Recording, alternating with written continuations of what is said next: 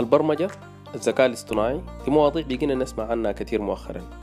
هنا في ماجد بودكاست أنا بحاول إن شاء الله بقدر الإمكان أتناول الموضوعات دي.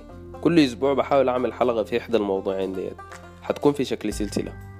بحاول بتناول فيها المواضيع ديت أحاول أجيب ناس عندها علاقة بالموضوع ده. وبحاول بقدر الإمكان إنه المحتوى يكون واضح ومبسط لكل الناس. المحتوى في البودكاست ده حيكون بالعربي إن شاء الله. وإن شاء الله كل أسبوع بحرص إنه أنزل حلقة جديدة.